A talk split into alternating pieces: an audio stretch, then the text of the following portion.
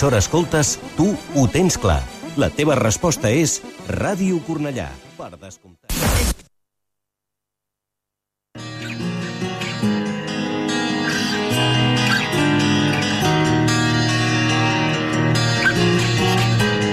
En Radio Cornellá comienza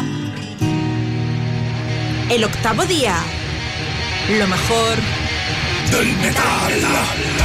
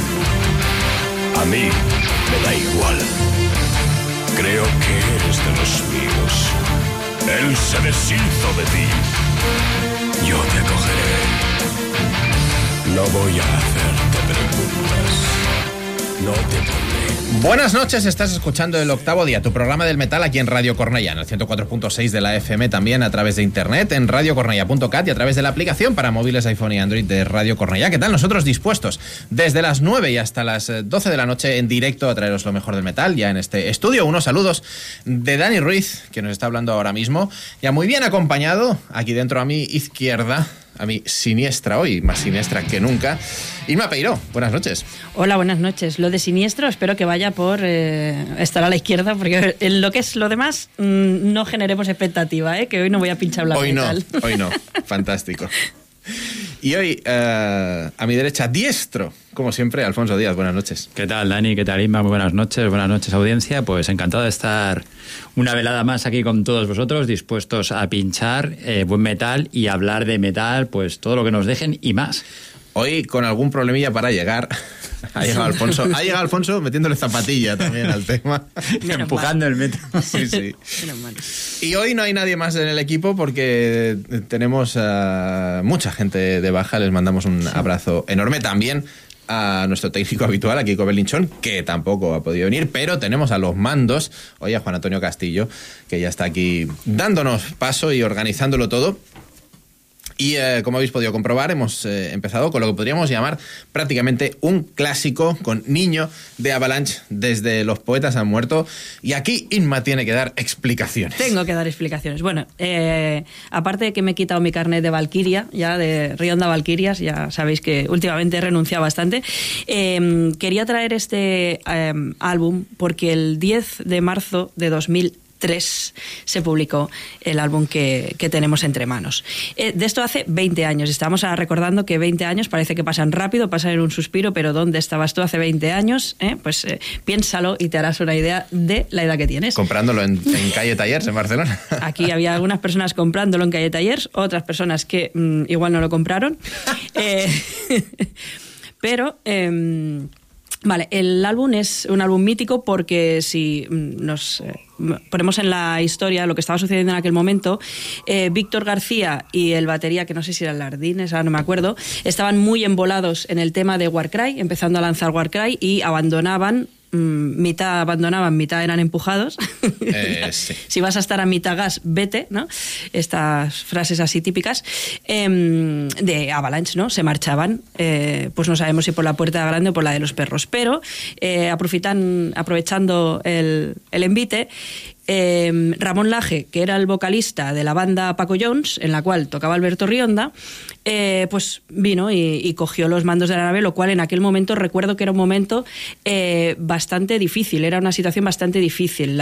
Toda la bancada power metal de Nacional pues estaba contra una nueva voz que era tan distinta, eh, contra unas nuevas composiciones que eran se alejaban ya del power metal y empezaban a adentrarse en el ámbito de bueno de unos toques más progresivos, no todavía, pues quizá no sé si llamarlo progresivo del todo, pero bueno, sí unos toques progresivos ya tenía, eh, había mucho paisaje, mucha atmósfera, eh, ambientación, cambios de tempo y sobre todo los cambios de tono, que era lo que más marcaba la diferencia respecto a la época épica anterior. Otra polémica que hubo en su momento, y estaba hoy rascando de neurona, pero no he conseguido encontrar el artículo, donde se comentaba es que este álbum se llamaba, se llamaba finalmente Los poetas han muerto, pero en su origen iba a llamarse Madre Tierra, como uno de los temas más chulos y creo que más largos que hay en el disco. El más largo, Incluso sí. la portada es eh, una alegoría de, de la Madre Tierra, ¿no? De Gaia. Y la razón por la cual se decidieron cambiar si, no recuerdo mal, tampoco quiero meterme en el embolado, porque es que recuerdo que en la época esto se fue muy comentado. La razón por la cual no acabó llamándose Madre Tierra era porque ese mismo año Mago de Oz sacaba Gaia que casualmente también es la madre tierra. Y entonces ahí Rionda estuvo muy espabilado de decirme, caché la mar, van a salir dos discos llamados Madre Tierra, a ver si la vamos a liar.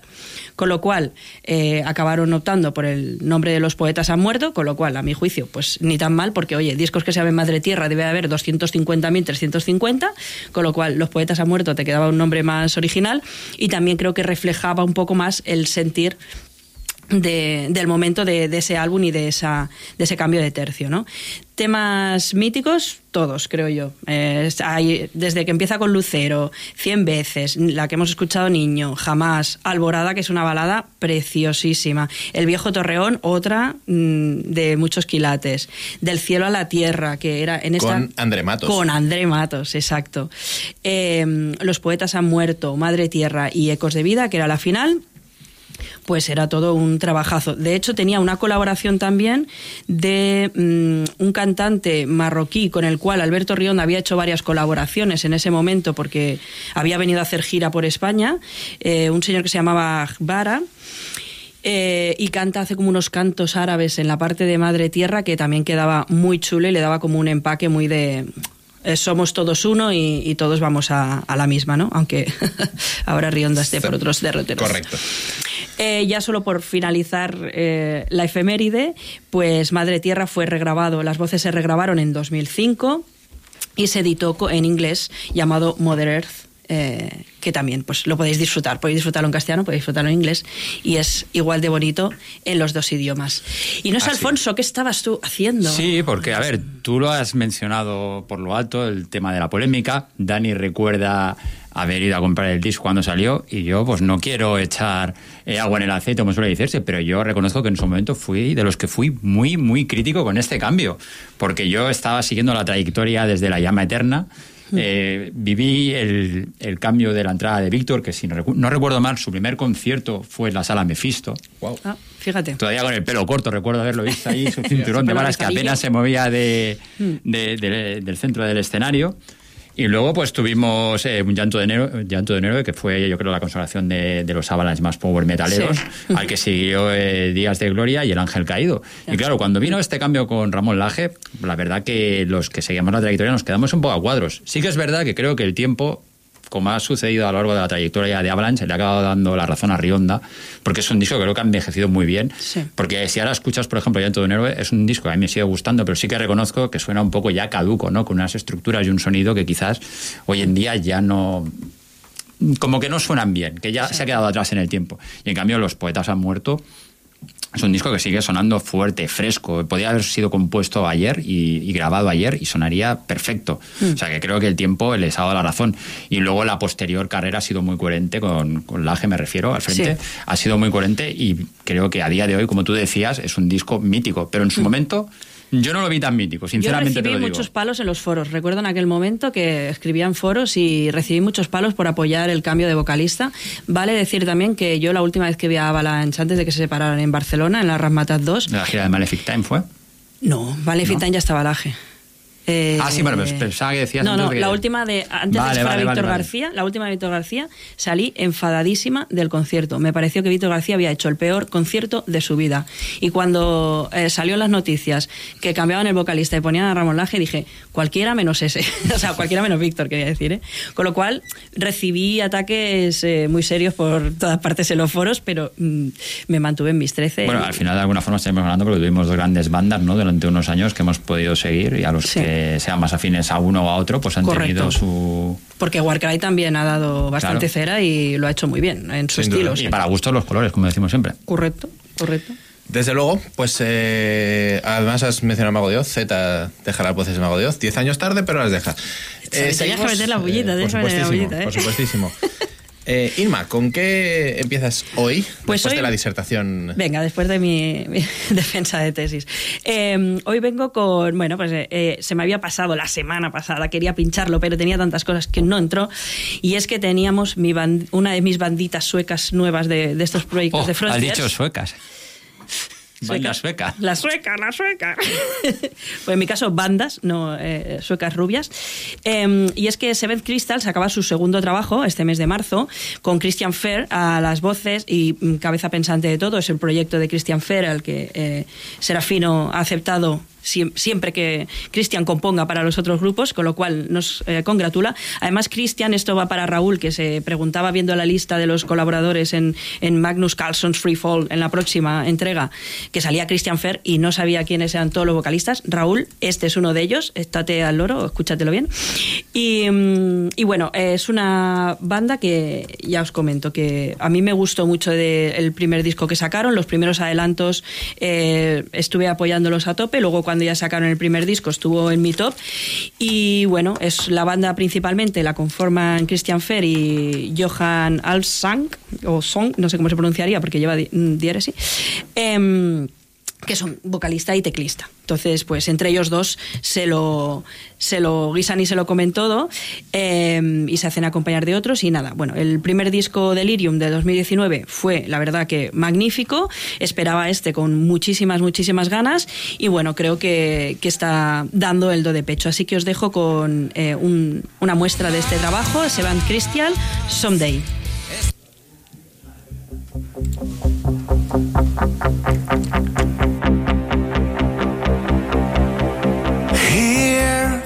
What we gonna do. Listen up. Mind to set in motion. Try to fall in line, my friend. Straighten up. Leave the fallen ones behind. Push on through.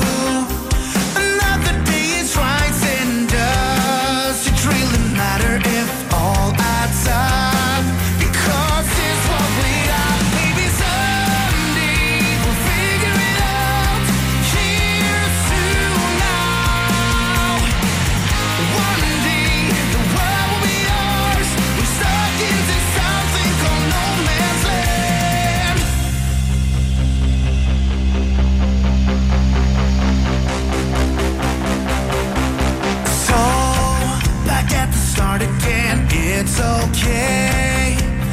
Trying to believe that we are gonna make this to stand your ground.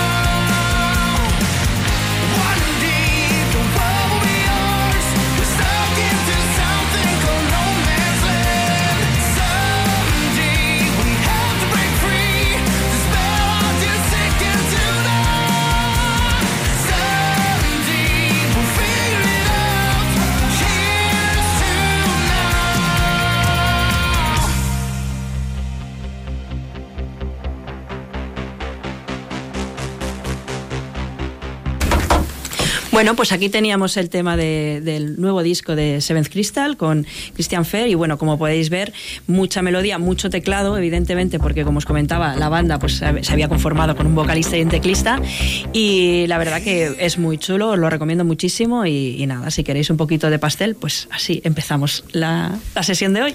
No está nada mal, la verdad.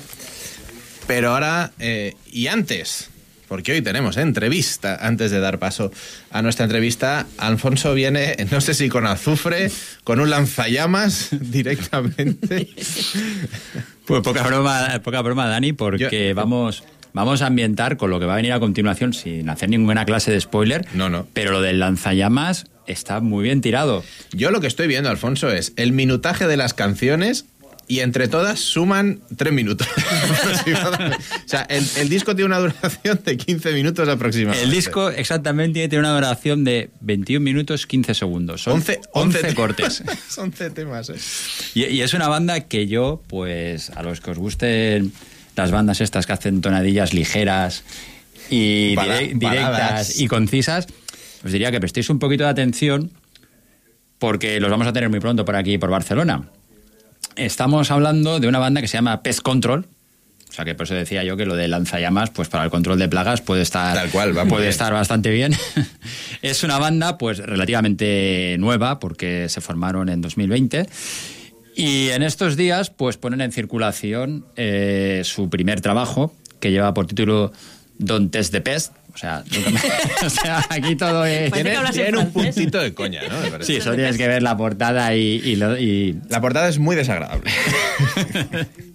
es una mezcla entre un bicho de Dragon Ball, ¿no? Sí, pero le y un están anuncio de cucarachas. Le están haciendo cosas muy feas a un señor, a un ex señor, por así decirlo, porque ya no tiene muy buena pinta. Este, Bueno, este- vamos a hacer más spoilers, vamos a que dejar que su música hable por ellos, que va a hablar poco y va a ser muy rápido, muy atropellado. Directo al grano. Exactamente, así que directos al grano, vamos a escuchar este Total Distraction.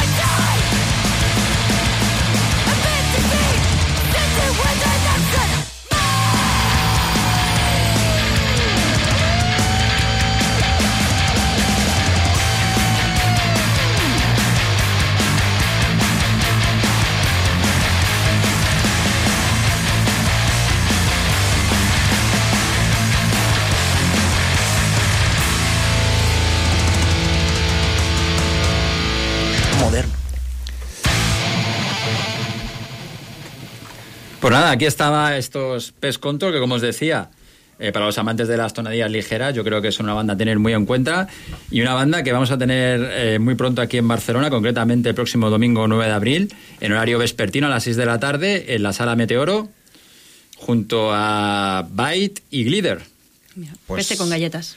Eh, Sí, es- estamos un poco en esa estamos un poco en esa línea. Nos preguntan en Telegram, no lo hemos dicho, esto siempre lo dice Xenia, estamos en todas las redes sociales que os podéis imaginar, estamos en Instagram, en Twitter, en Facebook, en TikTok, en eh, iBox, en iTunes y en eh, muchísimas más. Nos están preguntando también en nuestro grupo de Telegram al que podéis acceder mediante enlace en nuestras redes sociales. ¿Cómo se llama esta burrada? Nos dice Bri. Eh, repite, Alfonso, por favor. El, porque- el tema, la banda, todo. En Todo, todo. La banda es Pest Control, el, el disco Don't Test the Pest y el tema Total Distraction. Nos dice Pep que quiere ver la portada. Eh, Pep, no, te garantizo que, que no, No la quieres no ver, quieres Pep. verla. Es tremendamente desagradable. eh, pero vaya, un poquito de, de caña y de. Un poquito de crossover trash eh, británico Sí, para, sí, sí. para aderezarnos el paso, el paso para lo que viene a continuación. Exactamente. Y lo que viene a continuación es, eh, como decía Alfonso, va un poquito en la línea y lo escucharemos eh, de fondo, pero ya tenemos en el estudio uno, nada más y nada menos que a Tolo, cantante de Terminal Violence. Tolo, buenas noches, bienvenido al octavo día. ¿Qué tal? Buenas noches. ¿Cómo estás? Primera vez en el octavo día. Bueno, sí, sí, primera vez. Estoy como flan. Nada, aquí eh, tranquilidad, amistad y mucho metal. Como decíamos, Terminal Violence. Alfonso, una banda que ya mm, había sonado aquí. Una banda que precisamente pinchamos la semana pasada ya como calentamiento, ya teniendo ya en cuenta que Tolo iba a estar por aquí.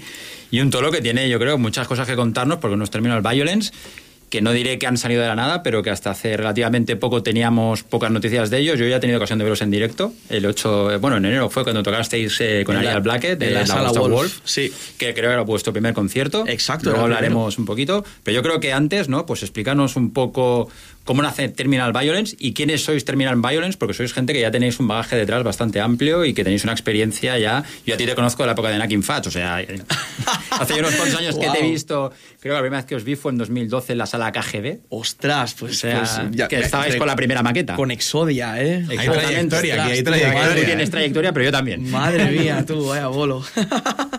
sí, sí, sí, sí. A ver, nacemos de. Es un proyecto que al principio entran Edgar y, y Pal, que son. eh, Edgar es el, eh, el productor de, de, de la Atlántida Studio y tiene, bueno, ha tenido el grupos como The Ice, eh, High Davey, entre, entre muchos otros. También tiene un proyecto ahora actual a- a- paralelo a Terminal Verse, que es The Lizards. Y luego tiene- estamos con Pal, que es el otro guitarrista, que es el guitarrista de Bellaco. Y bueno, me, me contactaron y me dije, me explicaron un poco de qué iba el proyecto, que si querían hacer un poquito del school y tal. Y yo, si me interesa, dije, bueno, pues, pues sí, de momento estoy un poco parado musicalmente. O sea, no era, no era mi intención volver a escenas, pero mira, al final me moló, me moló el tema y volví. Y a base de, de buscar y tal, me dijeron, ah, ba- baterías y tal. Y sabíamos a quién dirigirnos, ¿no? Al final el batería de Nakin también entraba en el saco y se lo comentamos, también le, le moló el tema. Y bueno, y luego pues ellos dos también eh, encon- en- encontraron a, a Miquel, de, que es el guitarrista de Siquemol, el guitarrista cantante de Siquemol, que toca el bajo con nosotros. Y entonces este primer contacto es, eh, ¿vamos a formar una banda o ya la banda ya estaba ya en marcha cuando contactaron contigo y te sumaste al proyecto? Sí, la banda tenía, estaba como a medio formar, ¿no? Eh, Edgar tenía un par de temas y había otra formación, pero la banda no se llamaba Terminal Violence, se llamaba Warhol, como, como, el, como el EP. Entonces, bueno, mm, yo no era muy fan del nombre de, de Warhol. Entonces, y hicimos un brainstorming y tal, y dijimos, se queda Warhol a no ser que encontremos un nombre que nos guste más a todos. Y bueno, y al final, pues, Terminal Violence fue. Cuéntanos el, el momento del cambio de nombre, que creo que tuvisteis ahí como una iluminación. Creo que fue culpa tuya, me han dicho por ahí unos pajaritos. Sí, bueno, el, fue como, eh, estoy, eh, hice, hice una letra para, para, para un tema y justo era como el, el grito, el culmen, ¿no? Y eso cuajó, entonces pues fue como el... mm, Creo que tenemos nuevo nombre. Creo que va a ser eso. Hombre, ya, si ya lo dijiste chillando y todo, pues claro, ahí Sí, sí, como, como que cuadra mucho, ¿no? En mitad de la canción, justo en un momento de clímax y tal, gritar el nombre de la banda, pues joder, pues sienta bien, ¿no? Claro. Sube un poco el ego. Bueno, Tolo, ya nos has dado unas pistas ¿no? de, de, de qué va vuestra música, pero si tuviéramos que citar lo que son influencias, dijeras, estas son las bandas que realmente han influido en el sonido de, Terminal Violence. Yo lo tengo claro porque ya os he visto en directo y he escuchado el EP y ya hemos dicho, hemos dado unas pinceladas de que es old school, pero si tenemos que poner nombres para que la gente sepa de, de qué EP cogeáis. Mm, nombres. No soy muy fan de los nombres, pero sí que es verdad que es el, el estilo del que, del que cojeamos. Todo lo que suene a ochentas, a thrash ochentas, es un poquito de lo que, de lo que bebemos más, ¿no? Entonces siempre buscamos este sonido más crudo, más... No, no diré arcaico, porque al final es los 80 hace- fue hace Hace literalmente nada, hace nada. Los 80 fueron hace nada. entonces sí, a ver, eh, suena mucho Sepultura, también am, eh, cositas de, de aquí ya de Slayer, algún alguna cosita así, ¿sabes? De, de- no sé, todo lo que suene a ochentas de, de crudez es, es cosa nuestra. A Balleria suena. Y hay un nombre que no has citado y a mí, a mí me, re- me ha recordado bastante, que es Testament. Testament, exacto. Justo nosotros, eh, Testament, tenemos eh, grabada una cover eh, en YouTube y grabamos para, para una colaboración con, con eh, Hardcore Hits Cancer eh, de Into the Pit. Eh, es una colaboración con, con la Casa del Chuclis, de aquí de Barcelona. Entonces tenemos esa canción grabada y está dentro de ese recopilatorio. Entonces es, es una cosa para colaborar que... La Casa del Chuclis es un sitio muy bonito, de mucha esperanza, entonces siempre vale mucho la pena estas cosas. Y ahora que mencionas lo de la casa de Chucri, si no, la memoria no me falla, ahora me voy a tirar a la piscina. Venga. Creo que la semana que viene tienen un concierto en Bóveda con Stingers y de Escorpiones. Stingers tocarán en acústico y Escorpiones, otra banda de, de covers de Scorpions, eh, tocarán también. Es verdad, sí que me suena haberlo visto. ¿Qué día, qué día cae esto? Creo que era el sábado. ¿El O sea, sábado? Que nos van a pisar. No te Ah, bueno, bueno. Creo que es el sábado. Sí, sí, hacemos un poquito el, el día 24, que es el, es el viernes, nos toca a nosotros en la sala textil, ¿eh? Y si, y si no, bueno, hay público, hay, público para todos. De Sí, sí, no, hablaré- hablaremos exacto, exacto. de- Al de- final, la- 24. la- el público objetivo no tiene por qué siempre ser el mismo para todos, ¿no? Bueno, pues vamos a hablar un poquito de, de lo que es este primer EP, este Warhol. Ya nos has comentado que, que lo habías grabado con Edgar. ¿Qué tal ha sido la experiencia de, de- de grabar con un miembro de la banda, ¿no? Que parece que, que sea el que sea a cargo de los controles un miembro de la banda, ¿no? Como que puede arrimar mucho las cosas sardina y ser menos democráticas las decisiones a la hora de... No, no, realmente la figura de Edgar como productor creo que es una inspiración muy fuerte porque él tiene muy claro lo que, lo que quiere ser y lo que necesita el grupo. Porque un poquito de. yo hablo por experiencia personal ahora mismo, ¿eh? un poquito de lo que pegaban proyectos anteriores era que todos montíamos nuestro granito, que ahora también, pero sí que es verdad que como que ibas surcando el río, ¿no? No era un- una línea que decías, vamos hasta, allí, arrollando, ¿sabes? Como ahora. Y eh, él, pues, eh, es una ayuda muy fuerte porque mm, a la hora de grabar voces, grabar guitarras, siempre tiene pues su influencia y dice, bueno, pues podemos, podemos enfocar esto por aquí y tal, pero sin que pierda la esencia. Entonces, eh, él es muy profesional, ha tocado muchos estilos y sabe perfectamente lo que está haciendo. Y mm, realmente no nos no, no nos quita la creatividad en ningún momento. Entonces, todo lo que es Terminal Violence siempre bebe de todos nosotros. Y ahora que comentabas lo de la creatividad, este Warhol son eh, cinco temas. No sé si vuestra filosofía era de vamos a montar temas, a grabar el EP y a empezar a rodar, o realmente tenéis ya más y esto es como una carta de presentación ya a la espera de, de publicar algo más grande, que tenéis ya en la recámara más temas, o, o cómo va el asunto. Eh, el tema del EP, pues eh, evidentemente tenemos que ser ya, había tener un pistoletazo de salida eh, lo más pronto posible para colocarnos sido, en la perdona, escena. Ha sido un proceso relativamente rápido, ¿no? La banda se formó 2022, pero ¿cuándo? ¿Principios, finales? Eh, sí, se formó en realidad. eh, a ver, ¿qué, qué, qué estamos ahora? ¿En 2023? 2023. Marzo de EP salió a 2023. principios de 2023. Es que yo ya estoy con el tiempo un poco trastocado, ¿eh? Sí, fue como a, a finales del, del ah, 2021, creo, al final que fue diciembre, entonces um, estuvimos por ahí buscando, buscando gente y tal, un- unos meses y tal, y cuando se formó la banda, pues sí, era a principios de, del 22. Entonces había, había esqueletos de, de algunos temas de, de esto, an- del proyecto antes conocido como Warhol, que transformamos en estas canciones del EP y, y evidentemente cogimos temas desde cero y los, los metimos ahí dentro. Y entonces lo que, te, lo que te había preguntado, ¿tenéis más temas ya en la recámara? Sí, sí, ya actualmente eh, hay ya cosas preparadas para cuando se tercie poder sacar y pegar un, un buen chut a la cara de nuestros oyentes. ¿Y vais a ir más por el rollo de ir publicando EPs hasta que os depara un LP? O... No, no, no. Nuestro, nuestro, nuestra hoja de ruta es, es empezar con los LPs. Porque al final muchos medios y, mucho, y mucha, mucha gente se fija mucho más en, en las grandes producciones, ¿no? En los LPs que tienen como que es está, está como más pulido, ¿no? Y es más. Se, se da, da más caché siempre un, un LP. Los EPs están muy bien porque al final te deja sacar muchos como galletas, ¿no? Claro. Y, pero el LP. Te mantiene un poco ahí en la Sí, en boca sí, de todos, en ¿no? boca El de todos. Sí, sí. Pero me parece que el LP llega un poquito más lejos. Y tú hablabas ahora de que un LP da caché, pero bueno, yo como comentaba anteriormente, tuve ocasión de estar en vuestro en vuestro primer concierto. Curiosamente erais los que habríais la 14 de enero. la velada. eh, y curiosamente también erais los que más gente tuvisteis, porque tanto Siro como María Blaque, luego pues hubo gente que salió, no sé por qué, pero no se quedaron. O sea, habéis tenido ya el EP publicado, este primer concierto, ¿qué feedback habéis tenido con el público? ¿Qué reacciones os han llegado? La verdad es que la gente se ha volcado mucho y muy bien desde el día, de- justo ese bolo, eh, nos dieron una acogida tremenda. O sea, sí que es verdad que la primera canción, pues la gente está como expectante, ¿no? A ver qué va a pasar. Pero a la que empezamos con la segunda y nosotros somos... Claro, que bajasteis del escenario Somos muy de también. bajar del escenario, eso iba a decir. Entonces, cuando empiezas a darte galletas con todo el público, la verdad es que es una sensación muy, muy buena, ¿no? Y estás en la olla y, y la gente como que se sorprende mucho porque un bolo pequeño tiene estas mini cosas, ¿no? Que obtienes experiencias que no, no en los bolos grandes como en un San Jordi puedes obtener. Eh, ese bolo muy bien, se vendió, la verdad es que mucho merch y muchos CDs, casi todo, casi todo. Yo no me pude quedar hasta el final, por desgracia, porque al día siguiente tenía un trabajo muy pronto por la mañana, entonces no, no pude estar hasta el final. Pero sí que es verdad que me dijeron que mucha gente se fue.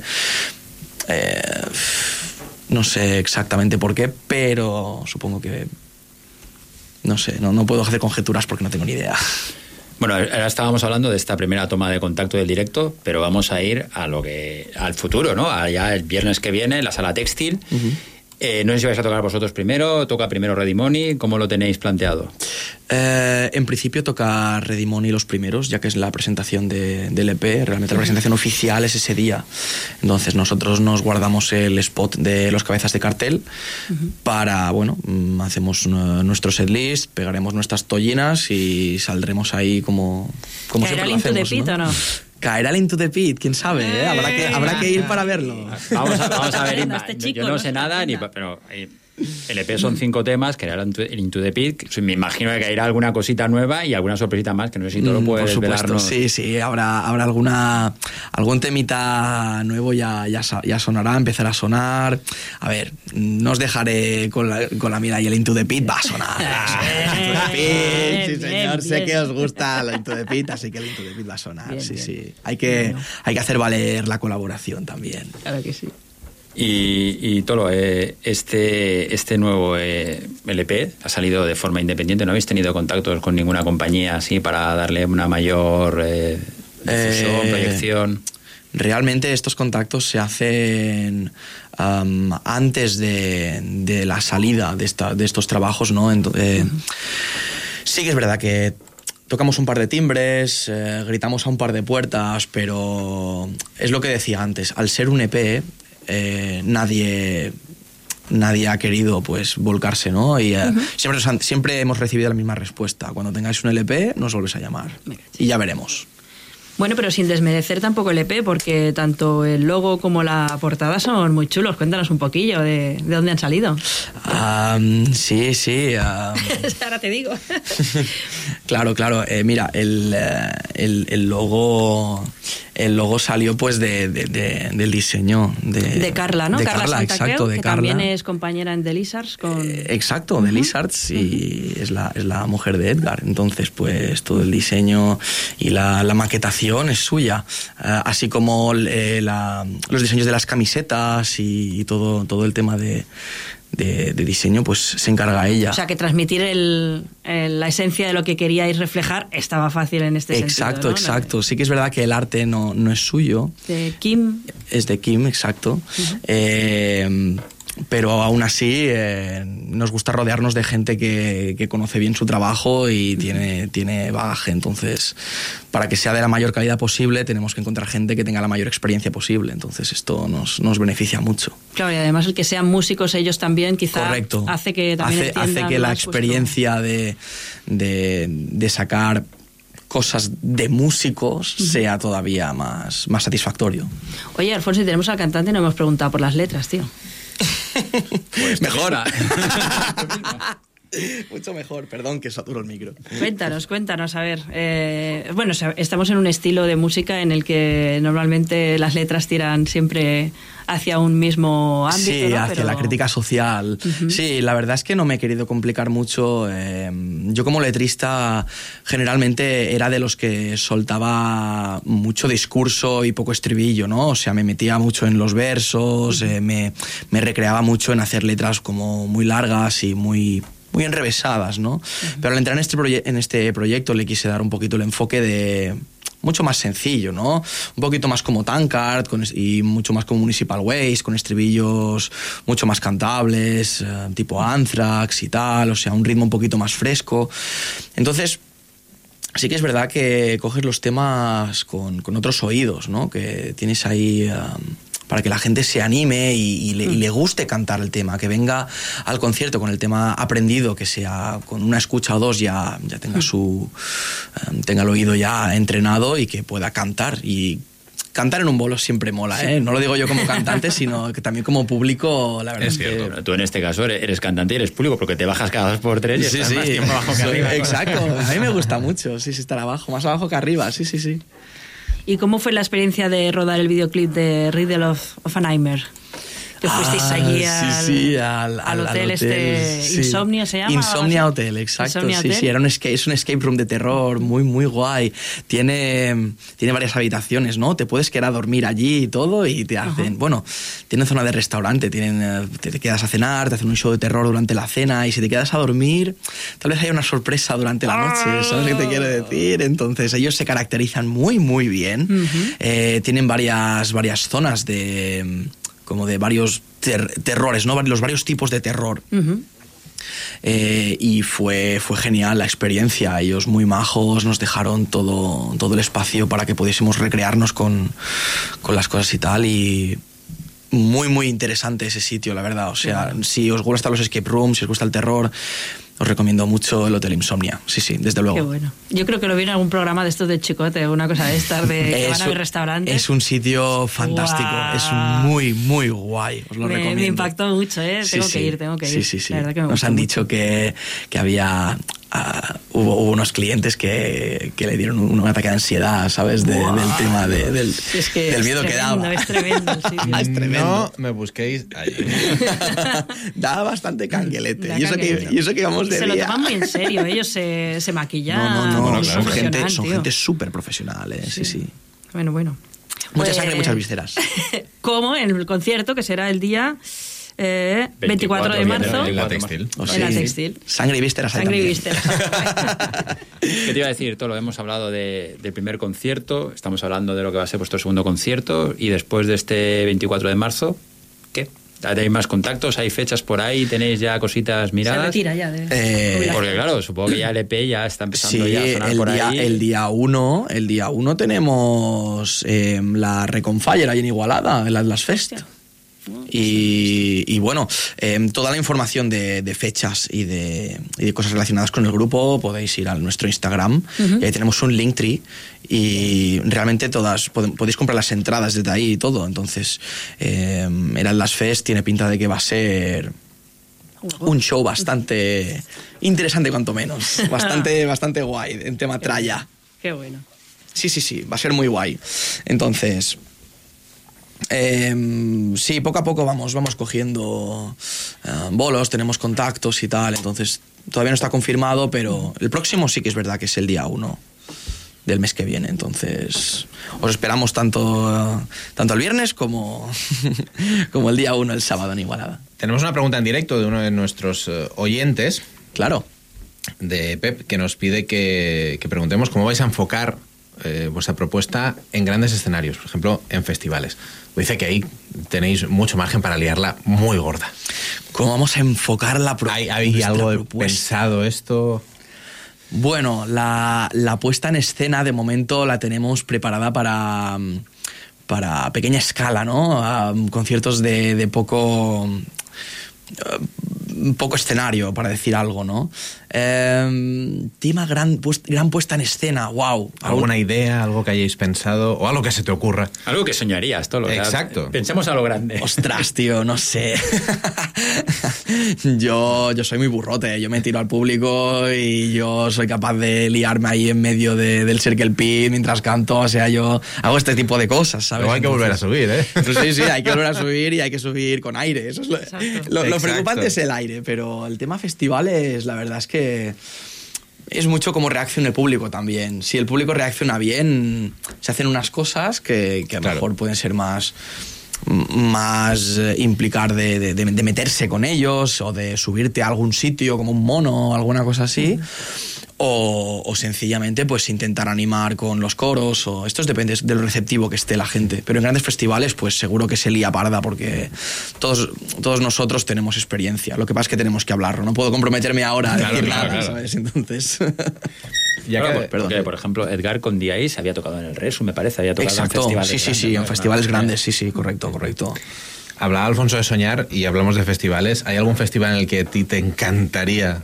poder tocar? Ostras, ostras, pues sí, claro, a mí me molaría, como, como, todo, como todo buen metalero que toca, eh, siempre el, el Wacken, el Hellfest, eh, el Resu también es un festival de puta madre, eh, o sea que sí, sí, todos, todos estos festivales son fantásticos y seguro que si tocamos nosotros en alguno, aunque sea un escenario pequeñito, seguro que la gente se lleva un buen recuerdo de ellos. Indudablemente. Alfonso Ima, ¿alguna cosita en el tintero? ¿Está Bueno, yo, creo que no, yo creo que vamos a dejar a Tolo que, que, que convoque a la gente, ¿no? Para este próximo viernes, que, que nos venda el producto y, y- y que eso, que, que nos diga, nos invite a ir a todos. Sí, sí, el, el 24, el 24 de este mes en la, en la textil, la sala textil, tocaremos con Redimoni, entonces venid todos a pegaros y a destrozaros las cabezas ahí con nosotros y, y vamos a, a traer pues cosas nuevas, canciones nuevas, merch nuevo, o sea, muchas cosas nuevas para un grupo nuevo que es Terminal Violence. Qué bien. bien. Tolo, muchísimas gracias por pasar este ratito aquí en el octavo día, pero antes de que te vayas vamos a pedir algo habitual, que es que nos digas con qué tema de vuestro EP nos quedamos ahora, para toda la audiencia. ¿Con qué tema nos quedamos ahora? ¿Cuál de los cinco?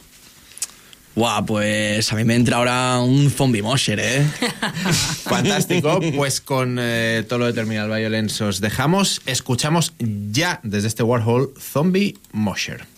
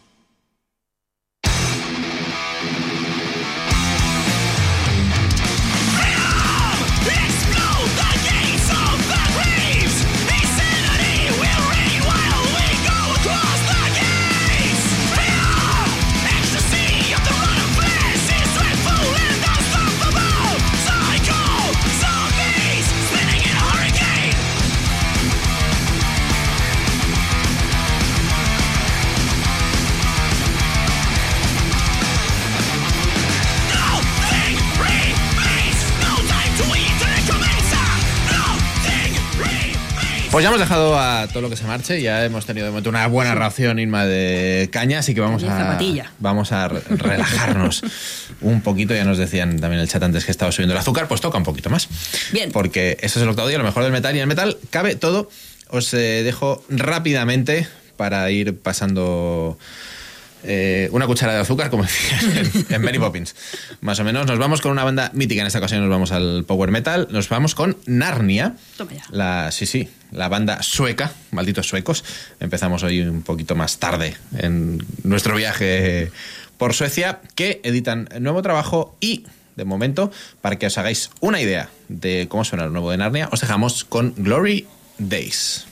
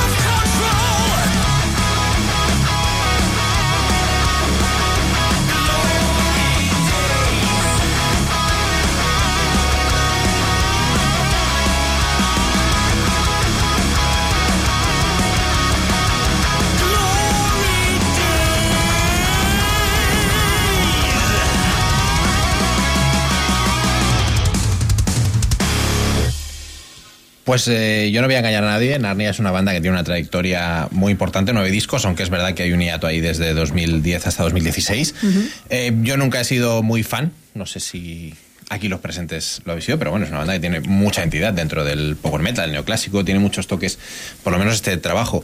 eh, un aire clásico, el teclado es El inconfundible. teclado me ha encantado. Eh, Me ha encantado. Lo, tenía clarísimo, clarísimo que te iba a gustar ese, ese teclado. Pero lo cierto es que este Ghost Town, que acaban de editar hace un par de días, eh, nos decía Bri en, en Telegram que tiene mucho rollete. Sí, la verdad es que sí. Es, eh, en el fondo hay, hay cierto sonido un poquito que se entienda, ¿eh? un poquito más duro de lo que suele haber quizá en el power metal y a mí me ha entrado realmente muy muy bien este este nuevo trabajo de Narnia, como decía, y desde luego es como para seguir la pista.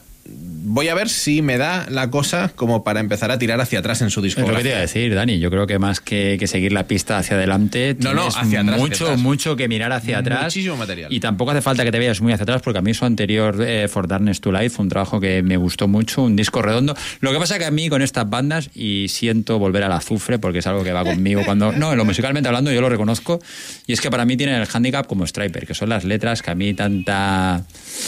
mm, por el altísimo, tanta devoción como que la verdad no acaba de casar conmigo. No, Pero bueno, entiendo que cada banda tiene su mensaje y es- son todos perfectamente respetables. Pero a mí las letras excesivamente religiosas no... Yo esto al final me lo acabo tomando, me pasaba con Striper también, eh, como cuando escuchas letras de black metal satánico, ¿no? Es decir, bueno, Tampoco practico black metal, ¿no?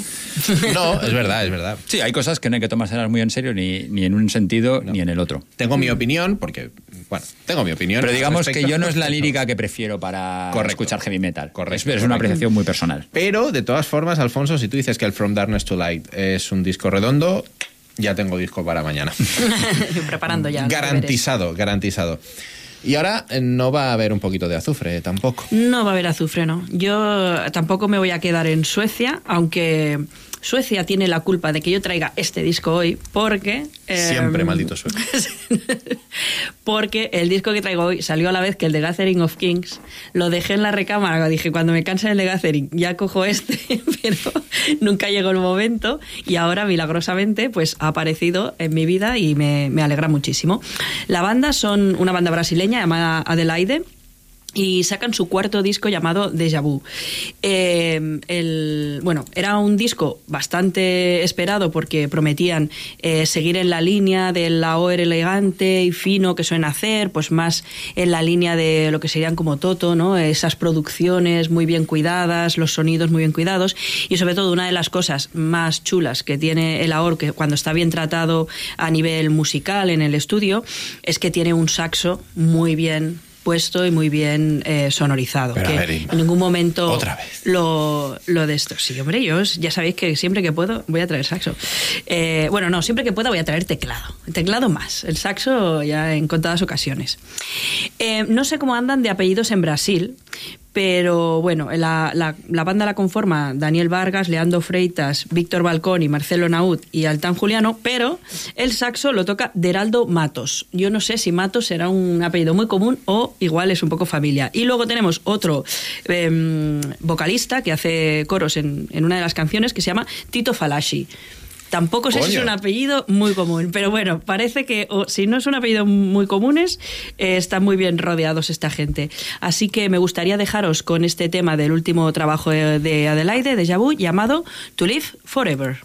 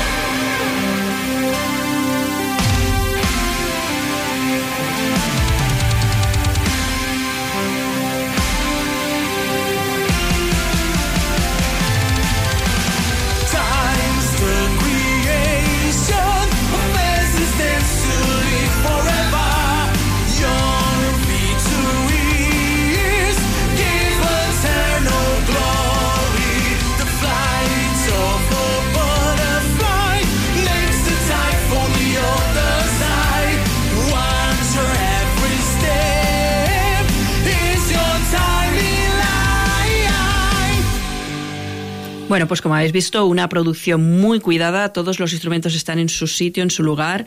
Eh, el resto del disco, pues eh, va un poco en, en la línea, ¿eh? es mucha melodía, toques de guitarra justitos pero bien ubicados, arreglos de calidad. Eh, no sé, yo para mí ha sido un, un gran redescubrimiento porque el- en el tercer disco ya me, me dejé llevar y no, no estuve pendiente de este cuarto que salió el mismo día que el de Gathering of Kings y lo eclipsó. Pero la verdad que lo he disfrutado mucho y creo que puede, puede ser un, un disco que se puede escuchar tranquilamente y que os puede gustar a, a muchos de los oyentes del octavo día. Lo cierto es que sí. Pero aparte de traeros música, aparte de traeros metal, ya sabéis que siempre hay una diáspora durante la semana y eh, que en Barcelona además hay muchísimos conciertos y eh, esta semana ha sido tal cual. Cada uno en un lugar y momento diferente. Inma, empezaste tú con el Let's Festival. Pues voy a empezar con el Les Festival, sí. Eh, ayer en la Sala Salamandra es un festival que se, se extiende en el tiempo varias, varias semanas y bueno, se caracteriza por dar un poco de cabida a bandas que están emergiendo y, y darles un, un espacio un poco más grande que normalmente no tienen acceso, ¿no? Eh, en el, caso de ayer no es, son bandas emergentes porque una de ellas ya está bastante consolidada, pero bueno, aún así querían recuperar porque hacía como siete años que habían estado en el Les Festival presentándose, o sea, siendo una de las bandas emergentes y mira ahora dónde están, ¿no? En concreto, la programación de ayer era, consistía en Bones of Minerva y Tundra.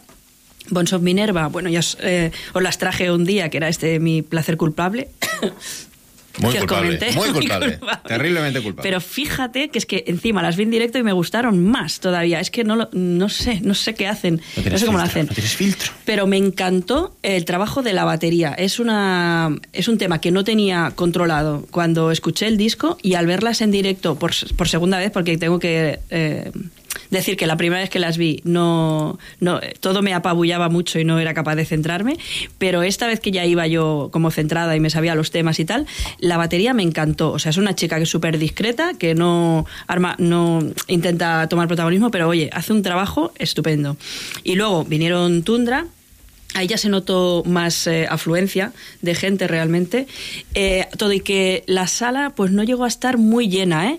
Y eh, tenían el merchandising dentro que ocupaba ya un buen trozo También de la creo, sala. Que, que Zundra son una banda, ¿no? Que tocan bastante asiduamente por aquí, ¿no? Es una banda de, de las habituales. Bueno, habían tocado además también el viernes en Tarragona, luego tocan en San Felipe de Guixos, quiero decir, eh, ahora se mueven mucho, es una banda que se mueve mucho. Vinieron justo antes de la pandemia, antes del confinamiento, estuvieron haciendo el gabinete del doctor Caligari, la proyección que se hizo en Aribao. Y también creo que tocaron en pandemia en lo del Forum, ¿no? Exacto, en el y Forum. posteriormente creo que también habían tocado alguna vez más. Por eso digo que es una O sea, banda que, se prodiga están- bastante por aquí. Sí.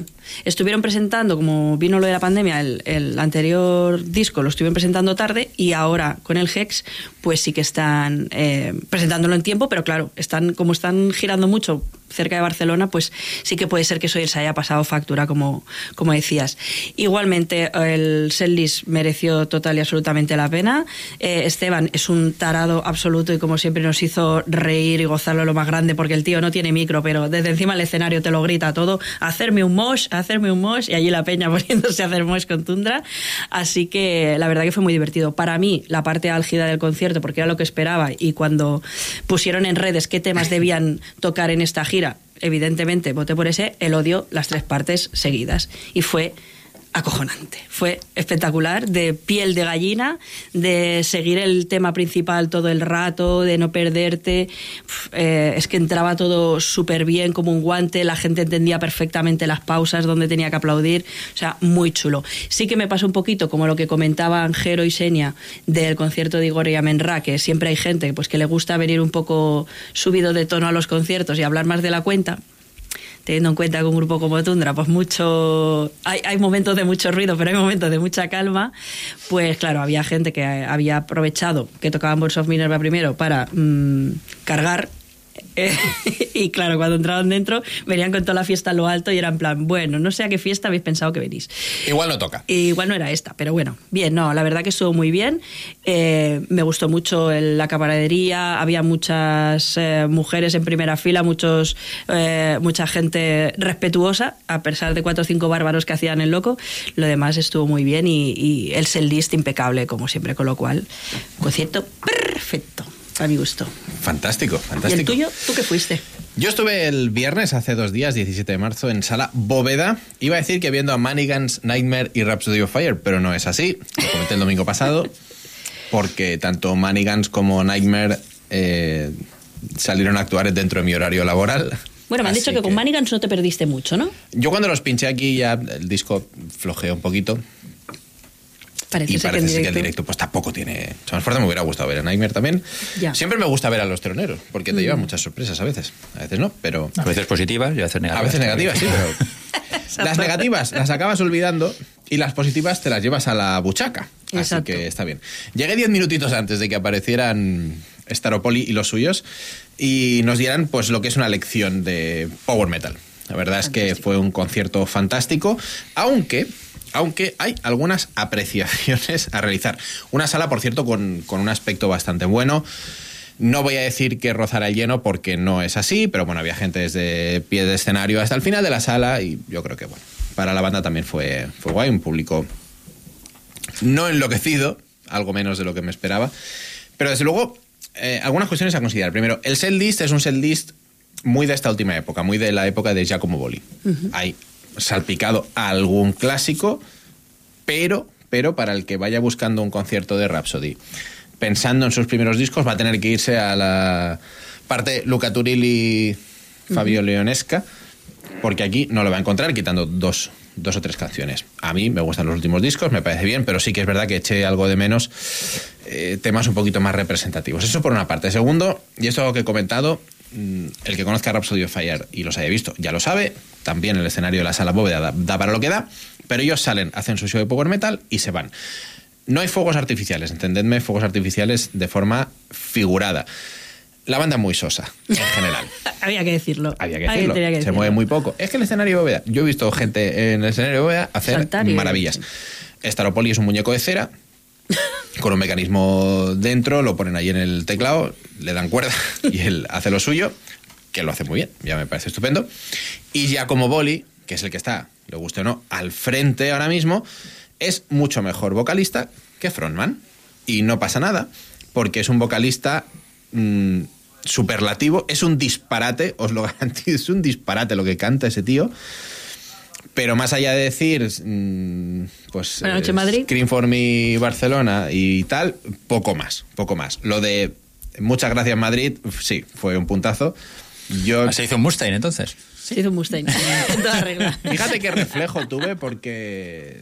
Además, en general, los italianos son así, un gente muy abierta y muy cachonda y tal. Pues, ay, qué risa, ¿no? Está aquí. Lo ha hecho de broma. No, no, no lo hizo de broma. Se la, se la envainó después porque se, se coló. En fin, como show, muy bien. Sonido muy bien, bien, todos los temas, bien. A mí me gusta mucho esta última etapa, así que guay. Pero hay una cosa, y en esto coincidimos con eh, Enrique y Pedro, eh, nuestros oyentes habituales que estuvieron por allí. Cierras la parte principal de Seldis con Down of Victory, Arriba. Bien arriba. que estaba la gente Sí. haciéndose polvo, y de repente, bueno, nuestro colega Hueco Tacadra. va a salir aquí y tal, y Fuego Valirio. Y es un desastre. Oh, Es un desastre porque no es un tema de Rhapsody of Fire, es un tema de hueco. Es eh, cumbia metalera para mi mulata, para mi morena. Pues con los Rhapsody allí, con cara de circunstancias, un poquito, Mm. haciendo lo suyo. Y os puedo garantizar, y esto por favor, cuando nos escuchen Pedro y Enrique, si lo quieren comentar en el chat, a ver si tuvieron la misma sensación. Dawn of Victory, la gente está arribísima y de repente la sala hizo. vroom, Ostras. y bajó, os lo prometo, ¿eh? Os lo prometo. Sí, sí. Tres pisos hacia abajo Wow. lo que eran puños en alto, cabezas, gritos y tal, se convirtieron en silencio absoluto. Hasta el punto que dices, Qué mal rollo. hostia, qué mal para los que están en el escenario. Claro. Eh, no voy a decir que Hueco no saliera allí a darlo todo, porque el tío se lo ocurrió, gritó, tal. Pero es que aquello allí no pintaba absolutamente nada. Yo tengo una pregunta y, y perdón por mi ignorancia en este caso. ¿Qué lleva a Hueco a colaborar con Rhapsody of Fire? Pregunta. ¿Y qué lleva Rhapsody of Fire No, no, pero a colaborar con No, él? no, pero digo, ¿cuál es el nexo de unión que los une a santo de qué? Es que no lo entiendo, no. Yo sé que Hueco Yo, yo está respeto, eh, que, pero un disco de versiones y colabora con muchos artistas. Y a él siempre le había gustado el metal. Pero ni siquiera sé que le une con Rhapsody, o sea, quiero decir, no me imaginaba que ese era el metal que le gustaba, ¿sabes? Entonces bueno, sí, tampoco lo era el entiendo. cantante de Sugarless hace muchos años. Sí, tenía pero una no era el con el metal que No, no, sí, era más nu metalero lo que hacía con Sugarless, evidentemente. Pero eso digo, pero es que no sé en qué momento hay una conexión ahí o cómo pueden llegar a ponerse en contacto, porque creo que a nivel de discográfica tampoco será la misma ni mucho menos, porque No. luego estará en una discográfica bastante importante, imagino. Hmm. Una mezcla y un poquito extraña que no funcionó. De todas maneras, si algún oyente lo sabe, por favor, Sí, que, sí, que que nos nos lo desvele el misterio, porque es que no tengo ni idea.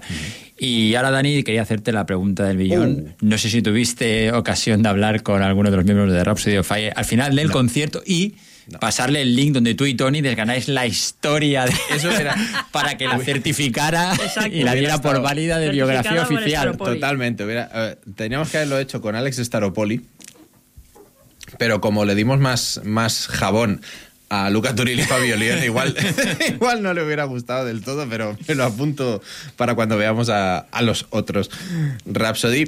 En fin, un muy buen concierto. Además acabaron con Emerald Sword, la gente muy arriba, todo el mundo muy contento. La banda se quedó luego en el merch, gente muy amable.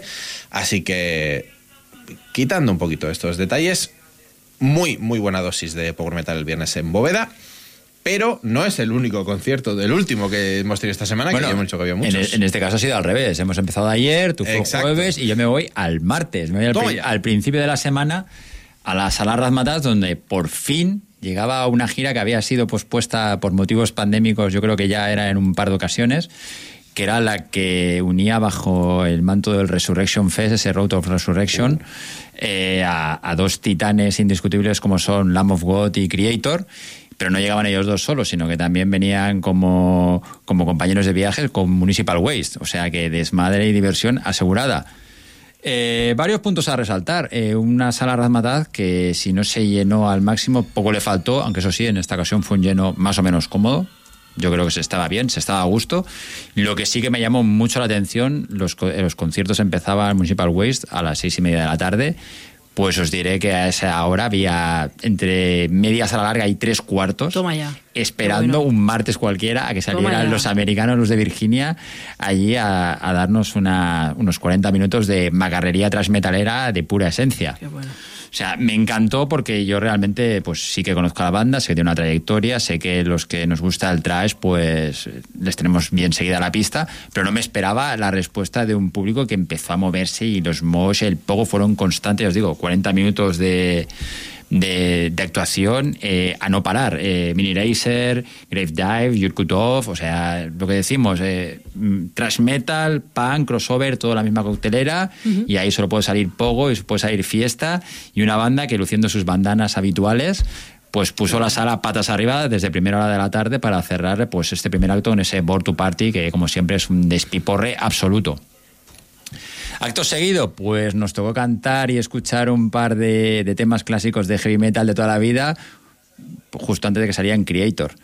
Unos Creator, pues que estamos acostumbrados en los últimos años a verles de cabeza de cartel, llevando un montaje, no diré súper espectacular, pero sí que dependiendo de la sala, pues no falta el confetti, alguna incluso pirotecnia en el San Jordi Club o en algún festival esas columnas de humo que siempre tienen por allí, pues esta vez la cosa estuvo bastante más austera, se quedaron únicamente con, con las columnas de humo y con un par de lanzas laterales con unas, unos, no diría unas, unos cortinajes enrollados de color rojo, muy vistosos, pero realmente en montaje escénico pues bastante austero para lo que solían ser las últimas giras de los, de los germanos, pero bueno, eso no desmereció para nada pues la descarga de, de unos Creator que yo creo que hace ya mucho tiempo que, que todos sabemos que son un valor seguro. Eh, otro dato que me gustaría destacar pues fue que mirando el repertorio eh, vemos que la mayoría, el 80, 75-80% del repertorio que están tocando Creator está compuesto en este siglo XXI. Eso quiere decir que la banda no está dispuesta a vivir de rentas, pero también quiere decir que se quedan atrás muchos clásicos de la primera época que, que claro, si yo te digo que no tocaron People of the Light, dirás, ¿qué me dices? Pues no, no la tocaron. Tormentor, no, no la tocaron. O sea, Extreme Aggression, no, no la tocaron.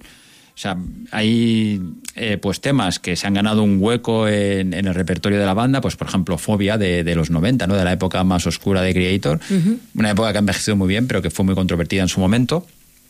Y luego, pues de este, de lo que decimos, de este último, estos últimos 25 años, pues no faltaron Phantom Antichrist, eh, Bylon Revolution Y clásicos, clásicos como tales, pues quedó pues Betrayer, que siempre es un gustazo escuchar, porque incluso en algunas de las últimas giras se la habían saltado, pues esta vez cayó. Eh, Flag, Flag of Hate, por supuesto. Y Pleasure to Kill para cerrar, que fue el despiporre máximo. Y como os decía, uno es Creator, a mí se me hizo corto el concierto. Evidentemente no eran los últimos en tocar, fue una horita y diez, yo creo. Eumail Petrosa, que yo vi un poquito mayor ya, no tanto en la actitud en el escenario, sino físicamente, se le ve ya un poquito mayor. Me- la verdad que me sorprendió con el rollo pandémico, hacía 4 o 5 años que no lo veía y sigue la verdad que lo, lo noté un poco más mayor. Pero... ¿Más mayor o más gordo? No, no, mayor, mayor, gordo, no, lo, lo vi como siempre. Que como has dicho la pandemia, digo ahí. No, no, no, pero la verdad que lo vi pues un poquito más envejecido del recuerdo que yo tenía de él. El tiempo pasa para todos, evidentemente. Pero en directo la banda funciona pues como son ellos, una auténtica apisonadora que no dejaron titero con cabeza y yo quedé muy contento. Me faltaron temas, pero yo creo que eso viendo a Creator siempre me va a pasar. Y bueno, y el último asalto de la noche, pues Lamb of God. Los Lamb of God que desde la primera vez que yo los vi hasta ahora, la verdad que su caché se ha incrementado por las nubes y ahora mismo pues yo creo que son unos de los referentes indiscutibles de- del metal americano. Yo creo que son los nuevos reyes del groove, indiscutiblemente. Y presentaron pues un show muy compacto.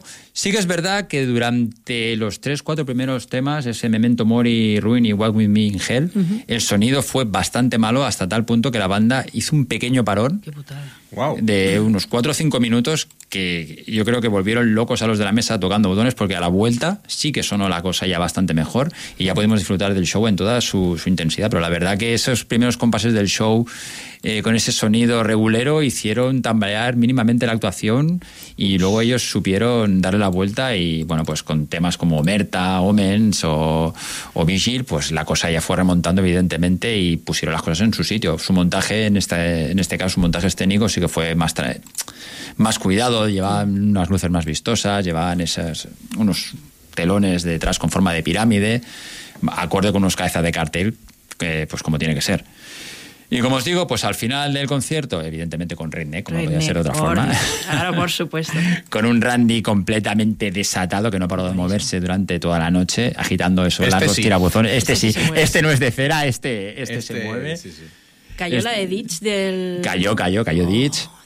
Y un repertorio. 5-1-2 también, ¿no? Sí, por Ah, supuesto. claro, serena. Es que yo creo que Tendría hablando del el Am of God, eh, puedes decir los temas que van a caer y, y es que todo como una auténtica apisonadora. Yo os digo, esas guitarras cortantes y, es, y ese mucho público. pago. Sí, sí, mucho pago. Y ese público que, que durante las tres bandas estuvo totalmente entregado, cosa que llama la atención porque en principio, pues, a ver, quizás eh, Creator y Municipal Way sí que son, parece que el público sea más afín, ¿no? Pero con Lamb of God la gente estaba entregadísima igual. Buah, qué bueno. Qué bien. Y os digo, noche de, de metal de estas que yo creo que se recordarán durante bastante tiempo. Fantástico, pues eh, telita todo lo que ha habido esta semana. Y además, eh, que repartido a nivel de estilos, ¿no? Hemos cubierto bastante el Y alguno que se nos ha quedado en el Sí, tintero. claro, claro, claro. Nosotros eh, hoy solo estamos nosotros tres, pero desde luego ha sido una semana fructífera para Pues el metal, pero seguimos poniendo un poquito más de música en directo, Alfonso. Tú no te bajas del burro, un poquito de caña, pero desde otra perspectiva, ¿no? Sí, ya no hay vamos. azufre, dejamos el No, azufre a no, un lado. Vamos a dejar el azufre de a un lado, que si no, luego podemos tener problemas. Vamos a hablar de, de una banda germana, ya que estábamos hablando de Creator. Una banda que con una trayectoria irregular, porque se formaron a, eh, a a mediados de, de los 80, pero mm, pues no acabaron de, de fructificar las cosas y la verdad que tuvo una, una primera etapa bastante bastante efímera en la que no llegaron a publicar ningún, ningún trabajo. Caray. Y no sabemos por qué estos avatares de la vida, yo supongo que, que el tiempo pasa, las relaciones eh, se mantienen y los miembros pues volvieron a, a armarse de valor y volvieron al local de ensayo y volvieron pues no toda la formación completa, pero dos o tres miembros eh, pues a, a reflotar lo que era este proyecto, estos Wardres. Y eh, en estos días la banda pues ha publicado lo que a la postre es su segundo trabajo, que se llama Metal Till the End. No hay, no hay dudas aquí, ¿eh? y si ves la puerta del disco, menos dudas todavía, con la guitarra y todo. o sea. Pues antes de seguir con, con la inserción, si te parece, Dani, vamos a escuchar el tema y luego seguimos con él. Vamos con Berserk.